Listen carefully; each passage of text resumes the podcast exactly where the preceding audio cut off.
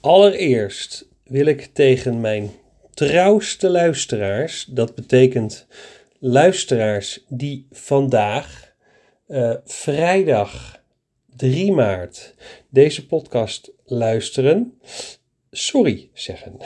en waarom sorry? Nou, ik post altijd mijn podcast op uh, donderdag. Meestal om 9 uur of om 10 uur. Na, vaker 10 uur. Maar nou ja, hij staat in ieder geval voor 12 op donderdag altijd wel online. Maar nu is het vakantie. En ik was lekker met mijn gezin een weekje weg naar uh, een vakantiepark in Lommel, België. Weet je, zo'n vakantiepark met zo'n Aquamundo. En verder zeg ik niks, maar ik heb wel vier dagen lang in een zwembad gelegen. en ik dacht, nou, ik neem daar de podcast wel even op. Nou, ik, het was gewoon geen moment. We hebben alleen maar in het zwembad gelegen. En uh, nou ja, met name dat, een beetje poelen, uh, uh, s'avonds even een biertje halen, lekker hapje eten. En voordat ik het weet was de dag alweer voorbij. En ja, dat, ja als je ook verder even geen klanten spreekt, althans wel per app, maar niet live dan, uh, dan heb je ook even geen inspiratie voor een podcast. Dus we zijn weer thuis. Het is nu vrijdag, dus inmiddels kwart voor vier. Vet laat voor mijn doen. Uh, ja, en ik wil natuurlijk wel mijn podcast nog, uh, nog, nog de wereld inslingeren. Dus vandaar dat ik dacht, nou, ik ga toch nog even wat opnemen, want ik had wel een leuk, uh, leuk onderwerp bedacht. Die had ik al een tijdje op mijn lijstje. En als je een echt een trouwe luisteraar van mijn podcast bent en je hebt er ook meerdere geluisterd, dan is dit onderwerp al vaker aan de, aan de orde geweest. Uh, maar ik wilde toch nog even een hele podcast aanwagen. En dat is doelgroep. Oh, eerst even een heel leuk nieuwtje. Uh, want ik heb mij opgegeven als uh, exposant voor de vakbeurs Mondhygiëne op 10 juni in Den Bosch. Uh, dus ik heb daar een standje. Uh, mocht je het dus leuk vinden om mij even een keer persoonlijk te spreken, te ontmoeten en je bent daar toch of je komt daarheen, nou dan ben ik daar. Mijn standnummer is volgens nog nummer 30. Dat is ergens in de buurt van het eten. En dat is, heeft niks met mij te maken, maar ik heb altijd zoiets als mensen even een hapje gaan eten of drinken, dan hebben ze meestal ook wel even tijd voor een praatje. En nou, dan, eh, dan, dan is het lekker als ik daar in de buurt sta. Dan kan je tijdens je uh, broodje of wat je ook aan het eten bent, of tijdens je shootje, kan je even een babbeltje met mij maken. Oh, en ik ga daar ook nog een workshop geven over het starten van een eigen praktijk. Um, en waarom, dat, waarom iedereen daar nou als een berg tegenop ziet. Daar ga ik iets, uh, iets over vertellen. Maar dat komt later. Dus uh, 10 juni, uh, vakbeurs Mondhygiëne in Den Bosch. Daar ben ik aanwezig. Dus mocht je daar ook zijn, zoek me even op. En ik vind het leuk om, om kennis te maken. Maar goed, doelgroep. In de... Um, ik krijg de laatste, dat is wel heel leuk. Ik krijg via Instagram en LinkedIn uh, de laatste tijd veel uh, berichtjes van multignisten die ik nog niet ken. Uh, die aangeven van, joh, we hebben, we hebben wel een plan om in de toekomst, en misschien over twee jaar, sommigen zijn dan wat verder en die willen eigenlijk morgen al beginnen. Uh, en sommigen hebben het, het wel op hun wensenlijstje, maar zeker nog geen haast. Um, maar die willen wel eens kennis maken met mij. Dus, dus ik heb echt de laatste weken eigenlijk al steeds drie, vier, soms vijf uh, gesprekken met uh, die mij benaderd hebben van, joh, ik wil wel eens even met je kennis maken en sparren. Nou, dat is niet, nou, daar ben ik natuurlijk super dankbaar voor. En dat is hartstikke gaaf. Maar een van de redenen daarvoor, uh, is omdat ik een doelgroep heb gekozen. En die doelgroep, dat zijn mondhygiënisten. Ik heb nou ja, al eerder aangegeven. Vorig jaar, uh, rond mei of zo, heb ik uh, het besluit genomen om mij uh, volledig te gaan richten op mondhygiënisten. en die te gaan helpen met het starten van een praktijk en het ondernemerschap wat daarbij hoort. En het starten van een praktijk kan ook de overname zijn. Uh, maar in, in veel gevallen is dat juist gewoon een nul start. Nou, moet ik één zijweggetje maken daarin. Want ik heb nu toevallig drie mondhygiënisten achter elkaar die een overname willen doen. Um, nou ja, dus dat, dat komt ook op mijn pad. Uh, en dat doe ik ook. Um, en al het andere, dus als je geen mondhygiënist bent en um, niet een praktijk wil gaan starten, um, dan ben je in principe niet mijn doelgroep. En dat klinkt gek, maar dat is wel zo. En omdat ik deze keuze heb gemaakt, heb ik eigenlijk alles wat ik doe, hè, deze deze podcast onder andere, maar ook posts die ik doe op LinkedIn, op uh, Instagram, uh, af en toe verhaaltjes of reels die ik maak, zijn allemaal gericht op mondhygiënisten. Dat betekent niet um, dat ik geen andere mensen bedien, want ik heb nog steeds uh, tandartsen die mij benaderen. Uh, en ook tandartsen die mij benaderen met dingen die niks met het starten van een praktijk te maken hebben. Ik had laatst een tandarts bijvoorbeeld die Ehm, die vroeg of ik als second opinion uh, bepaalde plannen wilde doorrekenen. Want zij wilde namelijk, uh, zij had al een praktijk overgenomen en ze had het plan om die praktijk te gaan verhuizen naar een ander adres. Uh, daar uit te breiden. maar dat pand was zo groot dat ze nog een deel kon verhuren ook. En nou, haar adviseur had al tegen haar gezegd van dat is um, een iets te ambitieus plan, dus ik zou het niet doen. Maar ze had het idee dat haar adviseur daar eigenlijk te vluchtig over had uh, nagedacht. Dus zij kwam bij mij van, joh, kan je dat eens voor mij doorrekenen? Nou, dat heb ik ook gedaan. Dat is absoluut niet wat ik doe. Dus zij uh, is, is niet mijn doelgroep, om het zo maar te zeggen. Maar als zij mij benadert met deze vragen en ik heb daar de gelegenheid voor op dat moment, um, dan kan ik dat absoluut kan ik dat doen. En ik ben nu ook benaderd door een tandarts die een praktijkovername wil gaan doen. Dus weet je, dat komt ook door, uh, de, voorbij. Maar uiteindelijk richt ik me alleen op mondhygiënisten. Uh, en help ze met het start van een onderneming en, en het ondernemerschap wat daarbij hoort. En het grappige is, ik heb dus vorig jaar die keuze gemaakt.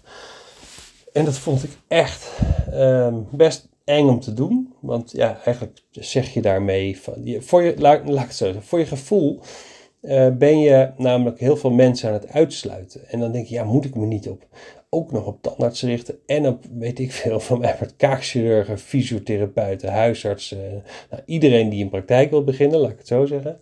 Um, maar als je daar goed over nadenkt, is het juist heel goed om je op één groep te richten en echt te zeggen, joh, dit is mijn niche. Want deze mensen moeten zich door mij uh, gehoord voelen en bij mij thuis voelen. En dat kan alleen als je kiest voor een bepaalde doelgroep. En in mijn geval is mijn doelgroep vaak ook nog eens um, vrouwelijk. Dat is ook natuurlijk niet zo gek, want onder mondhygiënisten zijn, zijn heel veel meer vrouwen dan mannen. Maar ik heb zelf de beste match met uh, vrouwen. Uh, maar ook daar, ik heb op dit moment een aantal mannelijke mondhygiënisten die ik, uh, die ik begeleid in hun proces.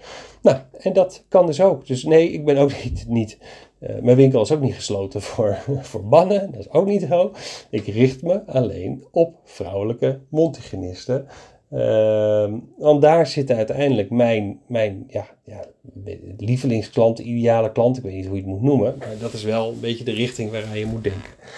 Uh, nou, en zo zie je maar, juist door die keuze te maken en dus even over je eigen angst heen te stappen dat dat vet eng is, uh, merk ik nu wel in de reacties die ik krijg uit de markt, uh, dat mensen echt zeggen, hey, jij bent toch die die gasten die zich, die, die gespecialiseerd is in het begeleiden van mondhygiënisten. Nou ja, dat ben ik.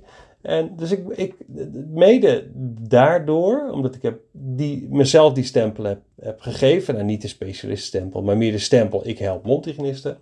Uh, en deze podcast heb, die dus daar in die richting gaat, zien mensen wel van hé, hey, als ik iets wil, ik ben multigenist en als ik iets wil, dan is er eigenlijk maar één iemand die kan bellen en dat is Remco. Nou, en dat is natuurlijk, dat is natuurlijk wat ik wil.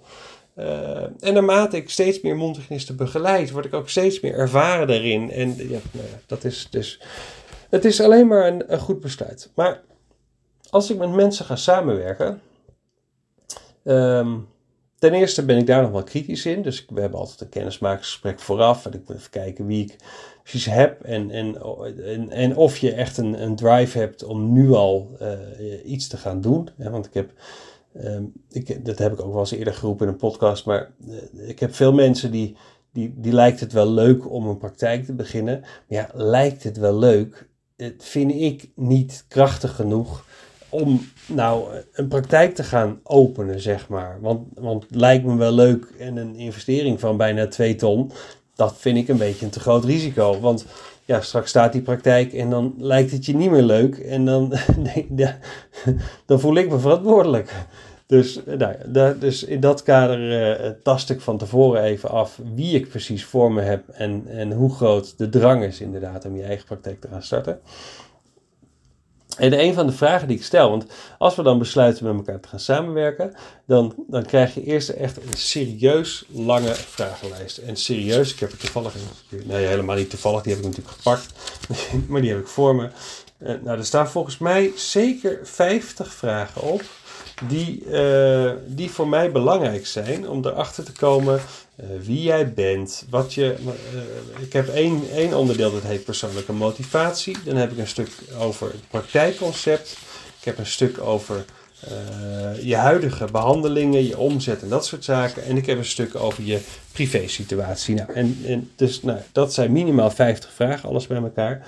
Maar het eerste stuk, persoonlijke motivatie, stel ik een aantal vragen over um, uh, ja, wie jij precies bent en wat je drijfveren zijn om, uh, om, om dit te gaan doen, om mondhygiënist te gaan worden. Uh, en en of, of je ooit overwogen hebt om tandheelkunde te gaan studeren. Dat zou ook nog kunnen. En dus ik wil jou echt leren kennen. Maar als ik verder ga in mijn vragen, dan krijg je dus ook van waarin onderscheid je je ten opzichte van collega's. maar ook wie wil je heel graag in de stoel hebben? Wie wil je liever niet in de stoel hebben? Welke problemen wil je wel oplossen? Welke problemen wil je niet oplossen bij je patiënten?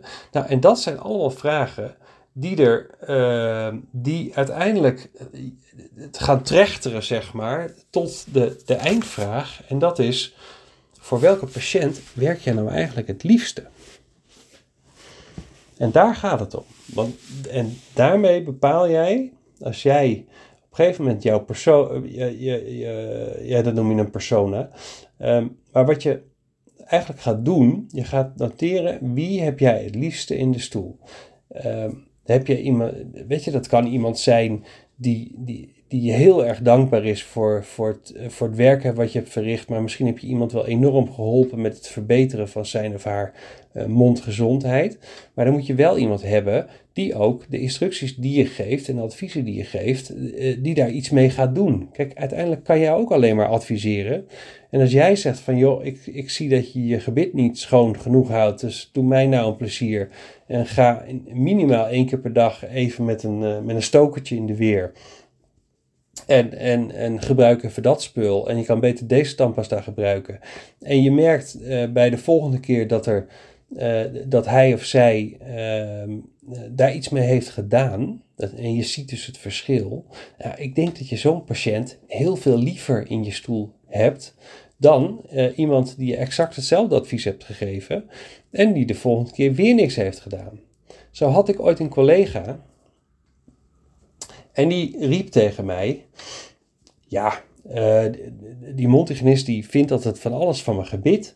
En, uh, maar joh, ik, ik kom daar juist om het schoon te laten maken. Dus ik ga daar gewoon liggen en zij moet het gewoon schoonmaken.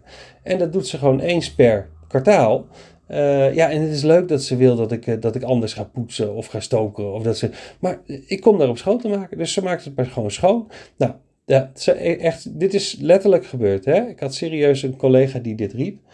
Um, en toen dacht ik zelf, van, nou, als ik mondhygiënist zou zijn, ik zou zo'n gast echt niet in mijn stoel willen hebben. Ik zou het ook niet eens als uitdaging. Weet je, sommigen zien het dan nog als uitdaging om zo'n om, om zo'n man dan op andere gedachten te brengen. Maar ja, ik, ik zou het helemaal niet hebben. Maar dit maakt wel, als jij voor jezelf gaat nadenken van, joh, welk neem nou eens in gedachten, misschien schrijf eens de namen op van 10 patiënten ehm, die eigenlijk jouw, jouw ja, weet ik veel, lievelingspatiënten zijn, laten we het zo maar even noemen. Dus, en, en het grappige is, op het moment dat je jezelf deze vraag stelt, wie zijn mijn tien leukste patiënten, dan kan je hun namen eigenlijk zo opschrijven. En um, Kijk, de mensen die je niet zo aardig vindt, daar blijft nou, misschien ook wel bij je hangen. Maar dan heeft dat meer een negatieve lading dan een positieve lading. Maar voor deze, schrijf ze nou eens alle tien op. En ga dan eens ze alle tien langs om te kijken van wat voor... Uh, wat voor raakvlakken hebben die, hebben die tien lievelingsklanten nou? En weet je, ik heb dat ook voor mezelf gedaan om gewoon eens dieper te kijken. Want ja, ik kan wel zeggen, joh, ik richt mij op mondhygiënisten eh, die een eigen praktijk willen starten. Ehm, maar de ene mondhygiënist is natuurlijk ook de andere niet. En, en de, de een zit heel anders in het leven dan de ander. En ik, ik heb wel gemerkt dat daar ook weer een verschil in zit. Dus, dus eh, eh, kijk, ik heb ook een, een lijst met, met, um, met mondhygiënisten opgeschreven. Waarvan ik zeg van nou, daar heb ik echt het allerleukste contact mee gehad. Ehm, die hebben mij van A tot Z uh, in, alles wat ik deed, maakt niet uit wat, e, echt gewaardeerd. Dus die zijn een soort, soort fan van mij. Ehm, en, en wat voor ehm, overeenkomsten zie ik daar nou? Nou, en ik heb bijvoorbeeld gemerkt dat, dat, dat uh, mijn, mijn, ja, mijn ideale klant, zeg maar, dat zijn mensen die, die een enorm sterke familieband hebben, die uh, niet materialistisch zijn ingesteld, maar die juist gewoon gaan voor het ondernemerschap en de praktijk. Uh, die geven enorm om met name uh, kwaliteit. Ehm, maar ze zijn wel op een, op een punt dat ze eigenlijk de stap niet durven te maken, omdat ze niemand in en ze hebben ook niemand in hun omgeving die ze daarbij kan ondersteunen. Ze zoeken echt iemand die weet wat hij doet en die ze min of meer bij de hand pakt en ze er naartoe brengt, naar die eigen praktijk. Nou, dat is, maar ik zie wel eh, binnen die, die tien, uh, en het, zijn er trouwens wel meer bij mij, maar goed, als ik even tien neem, binnen die tien uh, ideale klanten van mij, zijn dit allemaal overeenkomsten die ik terugzie. Ik denk van, hé, hey, daar zit een rode draad in. En dat geldt voor jou precies hetzelfde. Die tien patiënten die jij nu gaat opschrijven, van dit zijn mijn, mijn tien ideale patiënten, daarvan ga je merken dat die op een bepaalde manier met jou omgaan. Dat die misschien uh, in, in, in een levensfase zitten die, die je heel goed kan begrijpen. Maar dat kunnen natuurlijk ook gewoon kinderen zijn, omdat je heel veel raakvlakken met kinderen hebt. Of het zijn ouderen, omdat je raakvlakken hebt met ouderen. Of het zijn uh, ouderen die, die, die uh, wellicht een beetje eenzaam zijn. Weet je, dat soort dingen. Dus er zitten allerlei onderliggende dingen. En, en, en op het moment dat je, dat je het licht ziet dat klinkt een beetje zwaar, maar, maar op het moment dat je doorhebt van hé, hey, deze patiënten heb ik eigenlijk het meeste plezier aan. Um, en je gaat zeggen, joh, mijn eigen praktijk, die gaat zich volledig op deze groep richten. Nou, dan heb je je doelgroep te pakken. En dan snap je ook voor wie je dit doet. En dan kan je bij elke uh, advertentie die je zet, post die je doet, maakt niet dat je hele praktijk erop inrichten. Kan je gewoon een persoon uh, voor de geest nemen. En je zegt van joh, uh, voor, voor die persoon ga ik mijn hele, hele praktijk inrichten. Dat noemen ze ook een persona trouwens. Dus op het moment dat je marketinguitingen wil gaan doen, of je zegt van joh, ik wil, me, ik wil mijn praktijk inrichten voor een bepaalde doelgroep. En, ik, en hoe, hoe beter je die persoon voor je ziet. En je kan zo'n persoon ook vaak gewoon een naam geven. En dat noemen ze een persona. Hoe beter jij in staat bent om je praktijk helemaal daar en je dienstverlening ook helemaal daarop in te richten. En dan zal je zien dat op het moment dat je dat doet, dan krijg je. Uh, dan, dan zal misschien je groei wat minder snel gaan, maar de kwaliteit van de patiënten die je gaat binnenkrijgen, die is zoveel beter dan dat je gewoon maar een soort algemene praktijk bent die zich op iedereen richt. Kijk, en je krijgt altijd andere mensen binnen. Hè? Dus, dus nogmaals, uh, ik, ik ben niet automatisch dicht voor tandartsen. Ik ben ook niet dicht voor, voor mannelijke mondhygiënisten. Dat is niet waar. Uh, maar ik realiseer me wel dat, dat mocht er een keer een situatie ontstaan die, waarbij iemand gewoon een keer niet zo tevreden is, wat natuurlijk ook altijd kan, dan kan ik altijd denken van, joh, waarom is dat nou eigenlijk? En dan, ik had laatst toevallig, dat, ja, dat is een heel apart verhaal, ehm, en dat zal ik hier ook verder niet over uitweiden, maar ja, dat, is, dat had een beetje een vreemde afloop. En toen ben ik ook later gaan nadenken van, joh, waar is het nou mis? En toen, toen ontdekte ik ook eigenlijk dat ik bij deze uh, persoon, dame, eigenlijk mijn eigen signalen al had genegeerd. Want zij past niet binnen mijn uh, patroon van mijn ideale klant.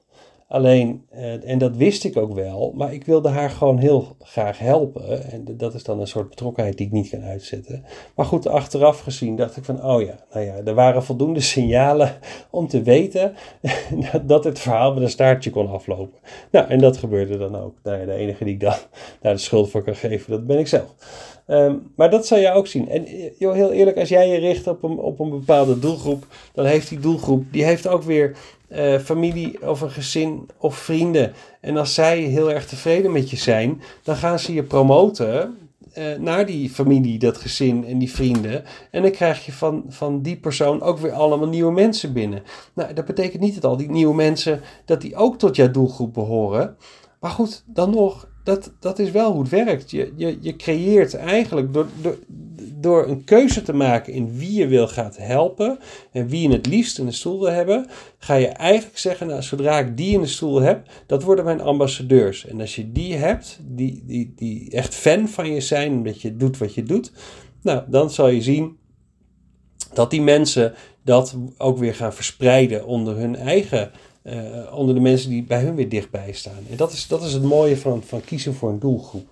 Um, dus ik, ik, heb, ik heb nog te vaak dat ik terugkrijg op mijn vragenlijst en, van wie is nu eigenlijk je, je patiënt? En dan zegt ja, nee, ik werk in de zorg, dus ik ben er voor iedereen. En tuurlijk ben je er voor iedereen. En je moet ook voor iedereen zorgen. Je kan niet iemand die, die, die binnenkomt de zorg weigeren, ja, tenzij je daar echt een goede reden van hebt.